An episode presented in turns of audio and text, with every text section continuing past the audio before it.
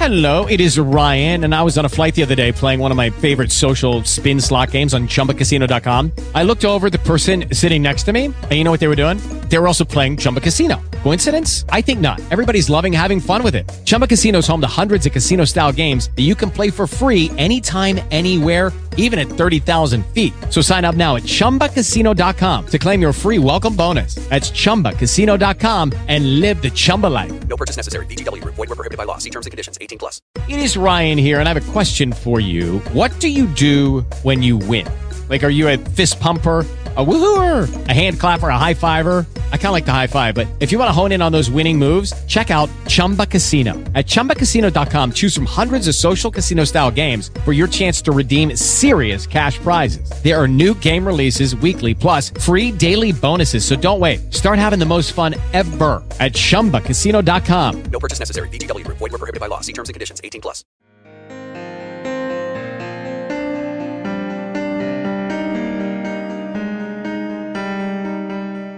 बाटो हो यो सत्यको जीवनको प्रेमको पिता पुत्र र पवित्र आत्माको सुसमाचार हो यो ख्रिस्टको आओ सुनाऊ गाउँ सहर तराई पहाड नेपाल अनि विश्वभर यात्रा हो यो क्रुसको। जयमसी साथै हार्दिक स्वागत छ श्रोता क्रसवे रेडियो मिनिस्ट्रिजको कार्यक्रम क्रुसको यात्रामा। श्रोता बाइबल वचनले भन्दछ घाँस ओइलाउँछ फुलहरू झरिहाल्छ तर हाम्रो परमेश्वरको वचन सधैँभरि अटल रहनेछ। त आउनुहोस् कार्यक्रममा हामी यही जीवित अनि अटल वचन सुन्नेछौँ।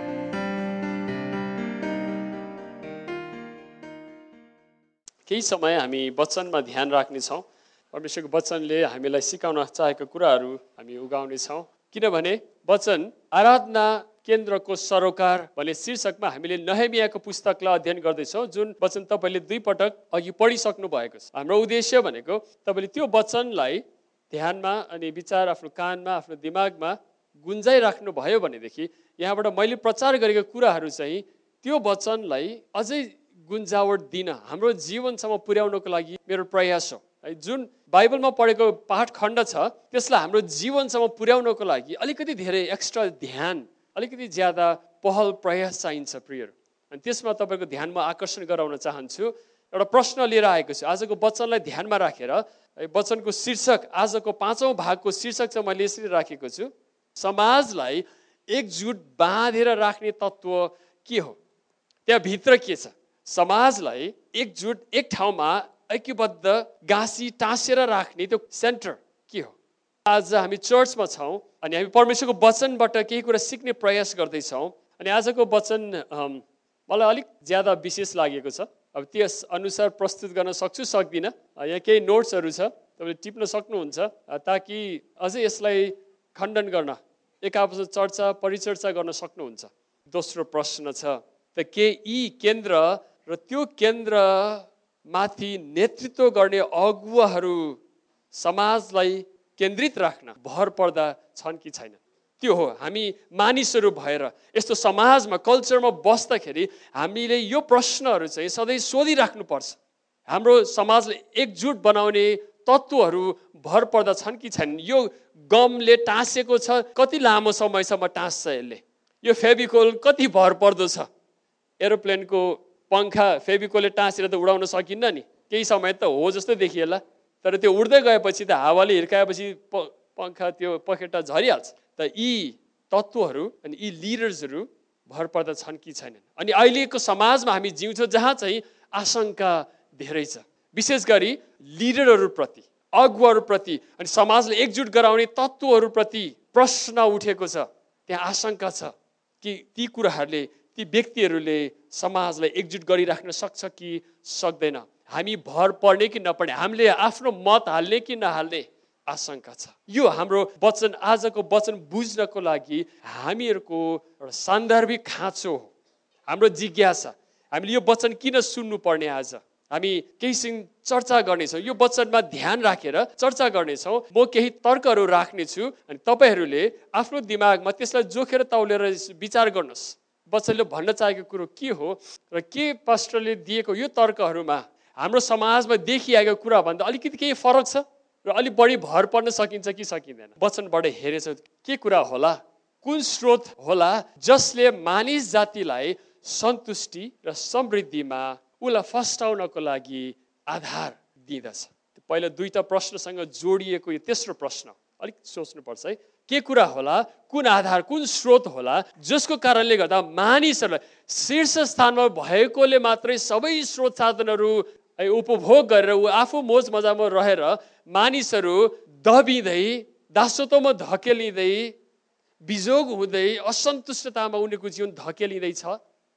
अथवा उसले नेतृत्व समयकालमा गरेको कुराहरू उसको आफ्नो जीवनभन्दा पछि पनि रहिरहन्छ र त्यसले मानिसहरूलाई सन्तुष्ट र समृद्धिमा हुर्कन बढ्न बिस्तारै हुन सहायता सहयोग पुग्दछ। लिडरसिपमा हामीले राख्नुपर्ने च्यालेन्ज यो हो प्रियर। विश्वमा साम्राज्यहरू आए। हिजो अस्ति बेबिलोन थियो। अहिले नहेमियाको समयकालमा फारस पर्सिया भन्ने साम्राज्य छ। भोलिको दिनहरूमा अलेक्जेन्डर द ग्रेट सिकन्दरले आएर चाहिँ तिन सय पचास सालमा भारतदेखि यो सबै साम्राज्यलाई उसले आक्रमण गरेर जित्नेछ। अनि अहिले यो समयमा स सम्राट रहेको शक्तिको चरममा रहेको सत्ता ढल्नेछ धेरै लामो समय करिब एक सय वर्ष टिक्यो होला। त्यसपछि त्यो ढलिसकेपछि अर्को साम्राज्य आउनेछ अनि त्यसको शीर्ष स्थानमा बसेर अगुवाई गर्ने सम्राट उसको सेना सेनापति अनि उसको राज्यमा त्यसको उपभोग गर्ने ठुला ठुला नेताहरूले उपभोग त गर्छन् तर प्रश्न यहाँ छ के त्यो सम्राट साम्राज्यको समयकाल छँदाखेरि त्यो समयकालमा त्यो सिजनमा उसले गरेको कुराहरूले सर्वसाधारण व्यक्ति विशेष मानिसहरू उनीहरूको जीवनको सन्तुष्टि र उनीहरूको जीवनको प्रशस्ततामा फस्टाउने वातावरण बनेको छ कि छैन? त्यो एउटा प्रश्न छ। किनकि समाजलाई नेतृत्व गर्दाखेरि नेताहरूले के कुरामा ध्यान राख्नुपर्ने भन्ने कुरा प्रश्न सवाल छ। नहेमियाले यस्तो कुरो छानेको छ उसले सम्राट साम्राज्यको शीर्ष स्थानलाई छोडेर आफ्नो समाजमा आफ्नो कम्युनिटीमा आफ्नो सहर आफ्नो गाउँमा ऊ फर्केर गएको छ अनि उसले सिकाएको गरेको कुराहरू अब कति लामो समयसम्म टिकाउ हुन्छ अथवा हुँदैन। यो कुराहरू हामीले हेर्दै आएका छौँ म दोहोऱ्याउन चाहदिनँ। अगुवाहरूप्रति हामीले राख्नुपर्ने प्रश्न सवाल चाहिँ यो हो। तपाईँ हामी कतिजना लिडरसिपमा छौँ। हामीले आफूले आफूलाई यो प्रश्न सोधौँ। भोलि गएर मण्डली यो कुराहरू अझै हामी खण्डन गर्नेछौँ। क्रसबी चर्च एनआरसी मण्डलीहरू अनि नेपाल देशको मण्डलीहरूमा नेतृत्व गर्ने व्यक्तिहरूले ध्यान दिनुपर्ने कुरा यो हो। किनकि परीक्षा के हुन्छ त भन्दा आज मैले पाउनुपर्ने सहुलियत सुख सुविधा सम्पत्ति मैले हासिल गर्नुपर्छ मैले पाइनँ पुगेन। अनि त्यसमा शोक चिन्ता गर्यो रात दिन सोच्यो बस्यो न म खुसी हुन्छु न मैले नेतृत्व गर्ने समाज नै फस्टाउँछ हो कि हेर्न भन्नुहोस् त? सोच्दै हुनुहुन्छ मसँग कि छोडे तपाईँलाई रत्न पार्कमै? सँगै हुनुहुन्छ बसमा? हामी अगाडि जाँदैछौँ है। त्यो पृष्ठभूमिलाई हेर्दाखेरि मैले अघि अलेक्जेन्डर भने तिन सय पचास अनि त्यसपछि त्रिसठी सालमा फेरि रोम साम्राज्य आयो है। यी साम्राज्यहरू उठे अनि बिलाएर गए। अर्को आयो उठ्यो अनि रोमी साम्राज्यले सबभन्दा लामो समय राज्य गरेको अरे चार सय वर्ष। त्यसपछि त्यो पनि बिलेर गयो। तर परमेश्वरले यस्तो एउटा राज्य बनाउँदै हुनुहुन्छ। यस्तो एउटा जाति उहाँले छान्नु भएको छ। यस्तो एउटा मानिस समाज उहाँले छान्नु भएको छ। जुन चाहिँ उहाँले निर्माण गरेको कुराहरू माथिबाट होइन उहाँले तलबाट भित्रबाट हाम्रो मन हृदय जीवनहरूमा उहाँले रोपिदिनुहुन्छ रोपिदिनुहुन्छ अनि हामीहरू चाहिँ गएर परमेश्वरको राज्य ल्याउने मानिसहरू बन्दछौँ। आफ्नो राज्य होइन। नेतृत्वको लागि केही गोप्य सूत्रहरू हामी यहाँ सिक्दैछौँ नहेमियाको जीवनबाट। निश्चित दोस्रो कुरा निश्चित समय र स्थानमा राखिएको सभा आराधना केन्द्र हो। अब आराधना केन्द्रको सरोकार भन्ने यो विषय हामीले अध्ययन गर्दै आएको छन् नहेमियाको पुस्तकबाट। आराधना केन्द्रको सरोकारबाट आज हामी एउटा समाजलाई के कुरामा चाहिँ आबद्ध गराउँदा त्यो टाँसिरहन्छ त्यो कोर त्यसको केन्द्र चाहिँ रहिरहन्छ त भन्ने कुरा आजको वचनमा हेर्दैछौँ भनेदेखि एउटा मुख्य आधारभूत कुरो चाहिँ समय र स्थानमा राखिएको सभा हामी हेर्नेछौँ एक दुईवटा पदहरू एक पदमा हेर्नुहोस् त आठ अध्यायको एक पदमा सातौँ महिना लाग्दा जब इजरायलीहरू आफ्नो सहरमा पुनर्स्थापित भइसकेका थिए पर्खाल निर्माण भइसकेको थियो बाउन्न दिन लगाएर उनीहरूले पर्खाललाई यरुसलमलाई त्यसको शोभा फिर्ता दिए सुरक्षा फिर्ता दिए अनि उनीहरूले आफ्नो जीवनमा गरेको परिश्रमहरूबाट अब यो दिन हेर्नुहोस् त अब सबै मानिसहरू पानी ढोकाको सामुको चोकमा एउटै मानिस जस्तै गरी भेला भए पानी ढोका भने चाहिँ त्यो यरुसलेमको एउटा ढोका सायद दक्षिण भागमा थियो त्यो ढोकाको भित्रपट्टि चोक थियो त्यो चोकमा सबै इजरायलीहरू एक व्यक्तिको रूपमा एकजुट भएर जम्मा भएको हामी यहाँ देख्दछौँ। उनीहरू एक ठाउँमा त्यो समय त्यो इतिहासको माहौलमा बाहन्न दिनसम्म रात दिन नसुती नसुती परिश्रम गरेपछि अक्टोबर महिनाको आठ तारिक यतिसम्म तोकिएको छ। अक्टोबर महिनाको आठ तारिक भनेको आजको चार दिनपछि चार सय चौवालिस साल इस्वी पूर्व त्यो समयमा मानिसहरू एक ठाउँमा जम्मा भए। अनि नौ पदमा र एघार पदमा हामी देख्दछौँ आजको दिन पवित्र छ। यो पवित्र दिनमा पवित्र सभामा उनीहरू जम्मा भएका छौँ। उनीहरूको लागि एउटा नयाँ केन्द्र जुन यरुसलेमको मन्दिर भग्नावशेष भयो नहेमिएको समयभन्दा करिब एक सय चालिस वर्ष अगाडि सत्तरी वर्षपछि उनीहरू फर्केर यरुसलेम गए अनि त्यहाँ उनीहरूले आफ्नो जीवन गुजारा गर्न प्रयास गरे। सङ्घर्ष छ शत्रुहरू छन् है सबैतिर लथालिङ्गै छ। त्यसको अझै सत्तरी वर्ष करिब सत्तरी वर्षपछि उनीहरू चार सय पैँतालिस सालमा फर्केर गएर यरुसलेमको पुनर्निर्माण काम सुरु गरिसकेपछि जसरी यो समय धान खेती बालाहरू उनीहरूले बिराइसकेका छन्। परिश्रम सिद्धिएको छ। अब एउटा पवित्र सभाको समयमा थ्याङ्क्स गिभिङ डेमा अब परमेश्वरले तोक्नु भएको तपाईँ तल बाह्र तेह्र पददेखि तल हेर्नुभयो भने त्यहाँ लेखिएको छ। मोसाले दिएको व्यवस्था अनुसार पवित्र सभा छाप्रोवासको पर्व तिमीहरूले मनाउनु त्यसको लागि उनीहरू एक ठाउँमा जम्मा भएका छन्। अनि यो जम्मा हुने प्रथा प्रक्रिया चाहिँ उनीहरूको लागि केन्द्र हो। उनीहरूको लागि केन्द्र हो। पुनर्निर्माणको काम जिम्मा। जस्तो कि एउटा पाङ्ग्रा थियो त्यो पाङ्ग्राले एक्सल त्यसको त्यो सेन्टर चाहिँ गुमायो तिर्पट है। उनीहरू फर्केर आएका छन्। त्यो पाङ्ग्रा फेरि अब गुड्छ कि? उनीहरूले आफ्नो केन्द्र भेटेका छौँ कि? पाङ्ग्राले त्यसको एक्सल त्यसको पिभट पाएको छ।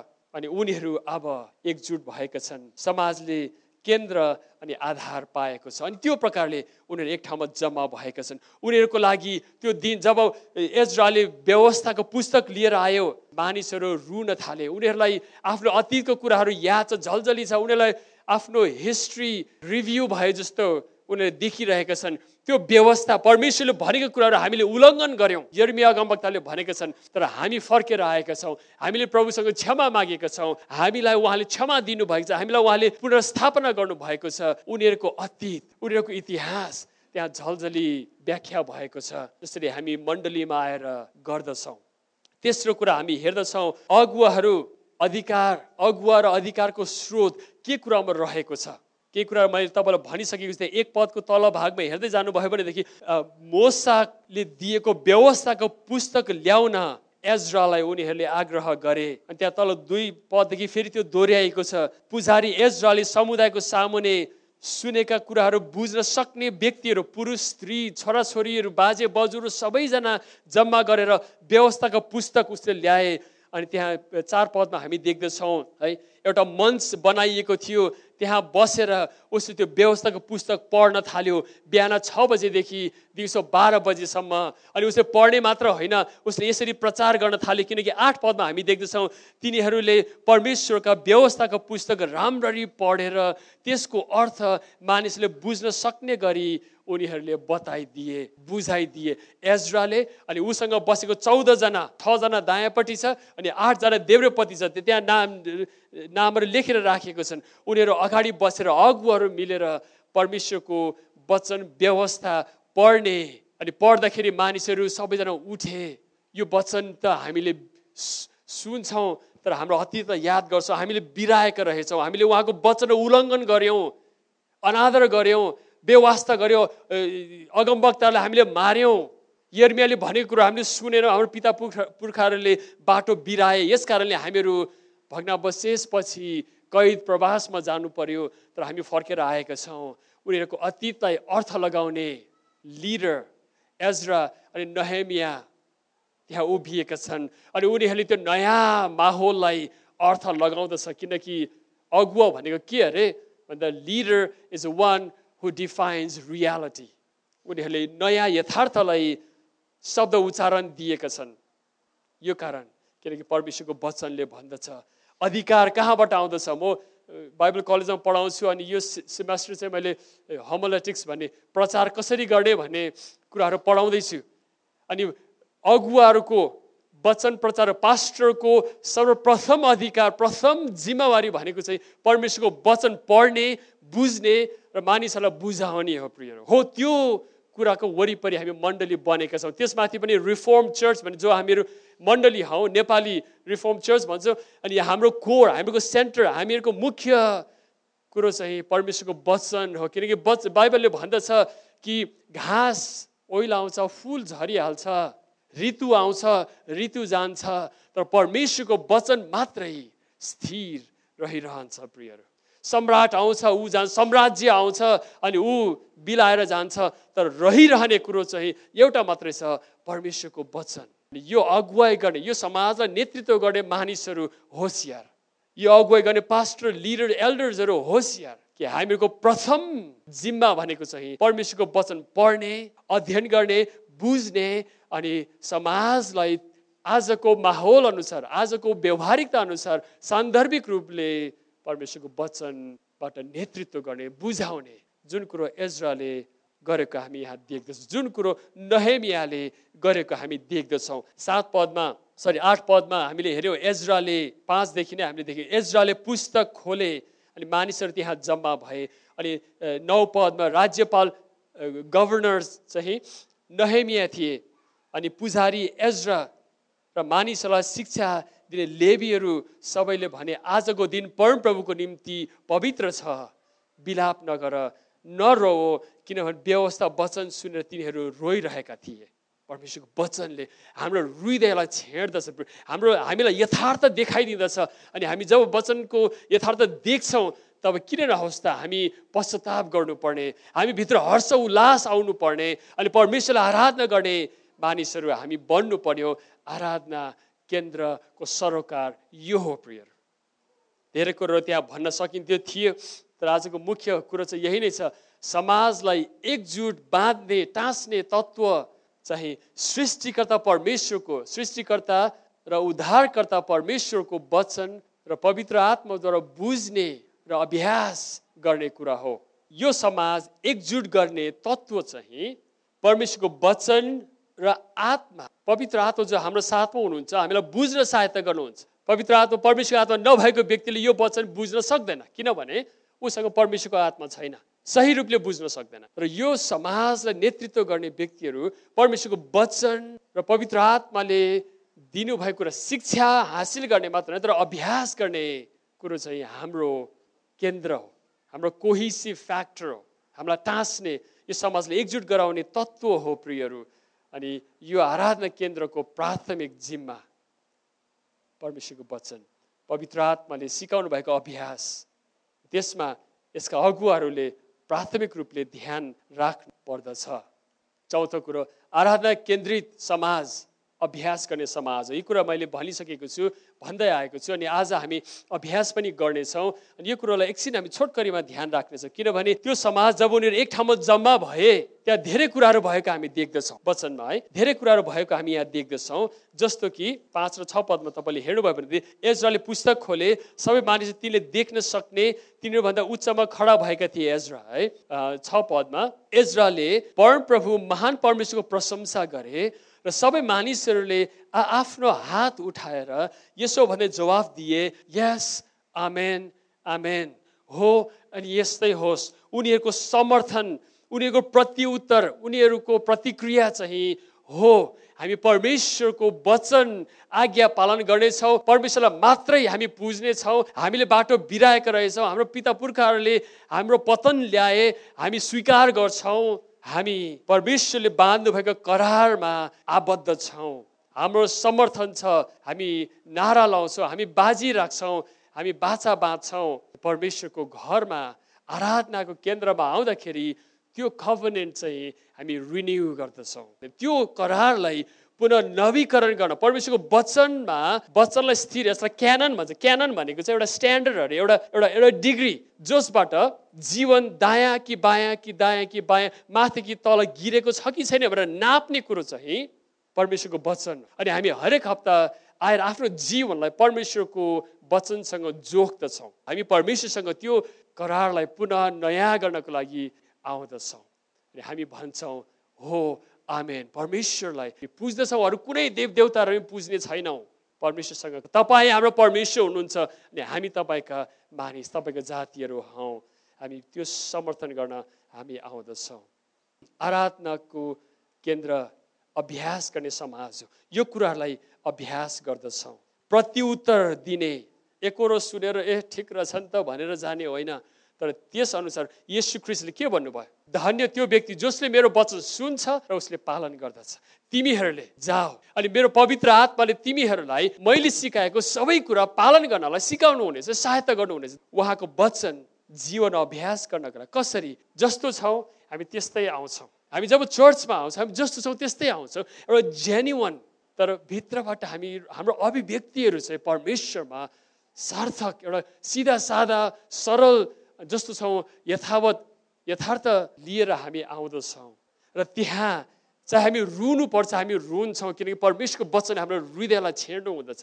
त्यहाँ खुसी हर्ष उल्लास उत्सव छ वी सेलिब्रेट किनकि त्यहाँ परमेश्वरको अनुग्रहको प्रशस्तता हामी देख्दछौँ। हामी खुसी हुनु आवश्यक छ हामी उत्सव मनाउनु आवश्यक छ।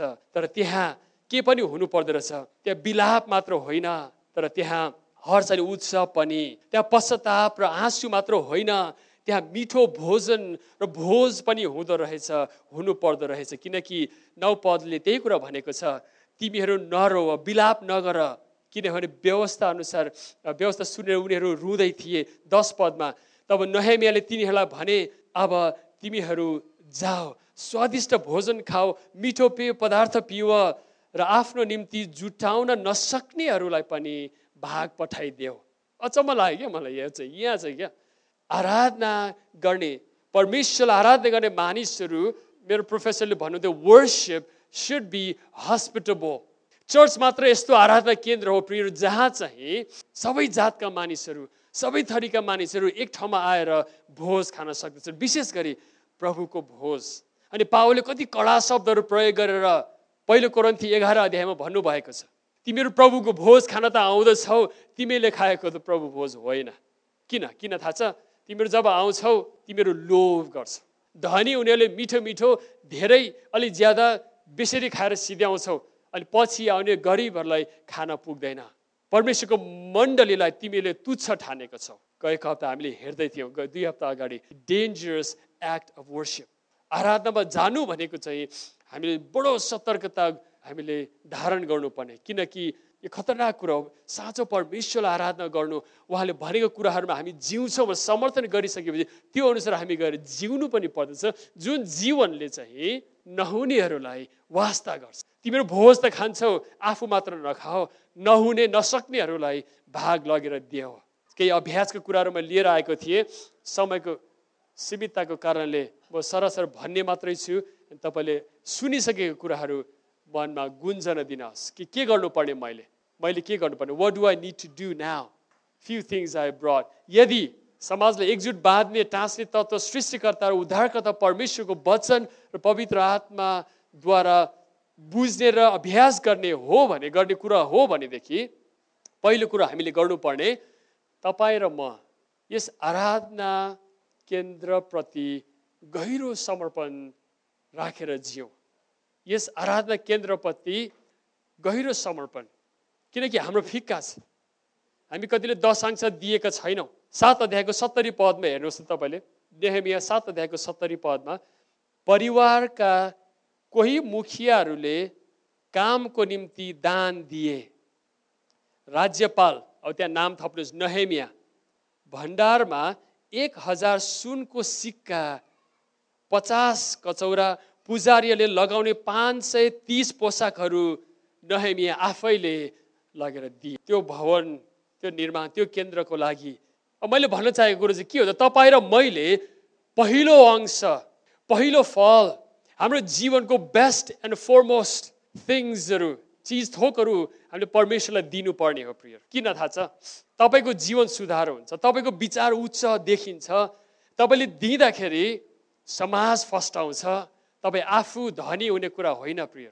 तर हाम्रो नेपालको समाज ठिकै उल्टो छ। पहिला आफूले बेस्ट मोस्ट थुपारौँ जम्मा गरौँ धनी हौ अरूलाई पुगे नपुगे पछि देखा जाएगा। अनि यस कारणले नेपाल देश चाहिँ समाज संसारमा सब एकदमै गरिब अनि पिछडिएको मुलुकमा आएको छ। किन थाहा छ?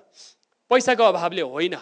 हाम्रो सोच्ने विचार शैलीले गर्दाखेरि हो प्रियर हामीले तयार गरिराखेका छैन। हाम्रो विचार हाम्रो वर्ल्ड भ्यूहरू है एकदमै कुरूप भएको छ। त यहाँबाट मण्डली चर्चबाट हामी त्यो कुरा सुल्टाउनेछौँ। आमेन। परमेश्वरको वचनले हाम्रो हृदय हाम्रो दिमाग हाम्रो सोचाइहरूलाई सुल्टाउनेछ प्रियहरू। आमेन। यो कुरामा हामी लागि पर्नेछौँ। आराधना केन्द्रमा अगुवाहरूले परमेश्वरको भय निर्देशनमा प्राथमिक समर्पण राख्नेछन्। हामी धेरै अगुवाहरू छैन। तर अगुवाहरू होसियार। अघि मैले भनिसकेँ हाम्रो प्राथमिक समर्पण यो व्यवस्था सिकाउने हो। एजरा अनि नहेमियाले गरे जस्तै उनीहरूको ध्यान मन गोठालोपन कस्तो कुरा हुन्छ? नहेमियाले गरिबहरूलाई दिएको कुराहरू वास्ता दुःख पीडामा भएकोलाई वास्ता गरेको कुराहरू हामी त्यहाँ देख्दछौँ। हाम्रो ध्यान मन ती कुराहरूबाट अगुवाई हामी गर्नेछौँ।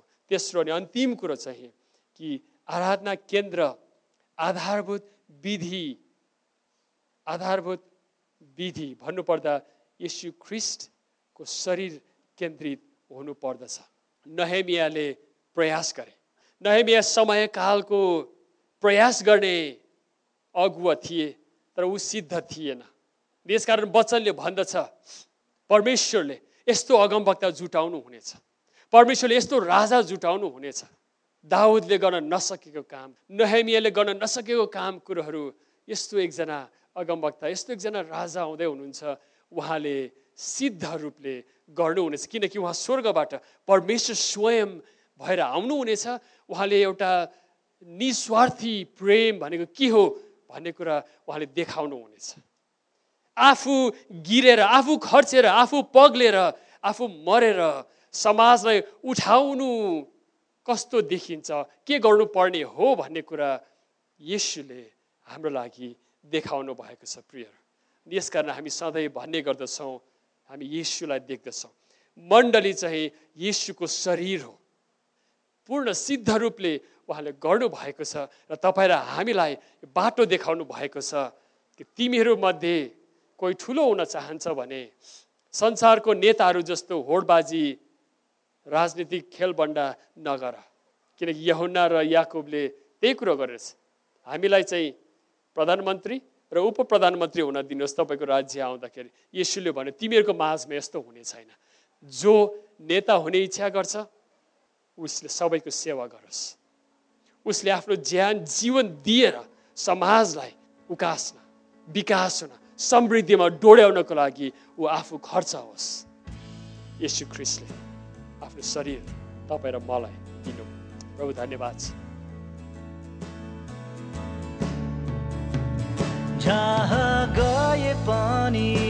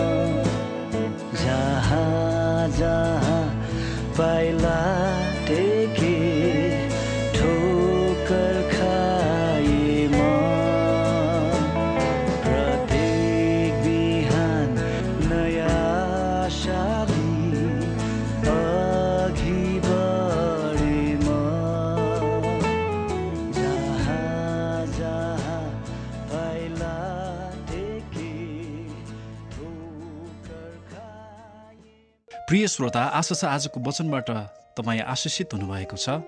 हामी कार्यक्रमको अन्त्यमा आइसकेका छौँ। यदि तपाईँहरू कुनै खोजमूलक प्रश्न साथै येसु ख्रिस्टको बारेमा अझै जान्न चाहनुहुन्छ भने हामीसँग सम्पर्क गर्न सक्नुहुन्छ। पत्रचारको लागि हामीहरूको ठेगाना यस प्रकार छ। PO box eight nine seven five EPC seven nine zero PO box eight nine seven five EPC seven nine zero यदि तपाईँहरू हामीलाई फोन मार्फत सम्पर्क गर्न चाहनुहुन्छ भने हामीहरूको फोन नम्बर यस प्रकारको छ। Nine eight two four three one four six five four अन्ठानब्बे चौबिस एकतिस छयालिस चौन्न साथै अन्ठानब्बे तेह्र सतासी त्रिचालिस छैसठी nine eight one three eight seven four three six six. यदि इमेल मार्फत सम्पर्क गर्न चाहनुहुन्छ भने हाम्रो इमेल यस प्रकार छ। क्रुसको यात्रा at Gmail dot com KRUSH KO YATRA at Gmail dot com हजुरहरूको प्रतिक्रियाको अपेक्षा गर्दै हामी कार्यक्रमबाट बिदा लिन चाहन्छौँ। अर्को हप्ता फेरि भेटौँला। जय मसी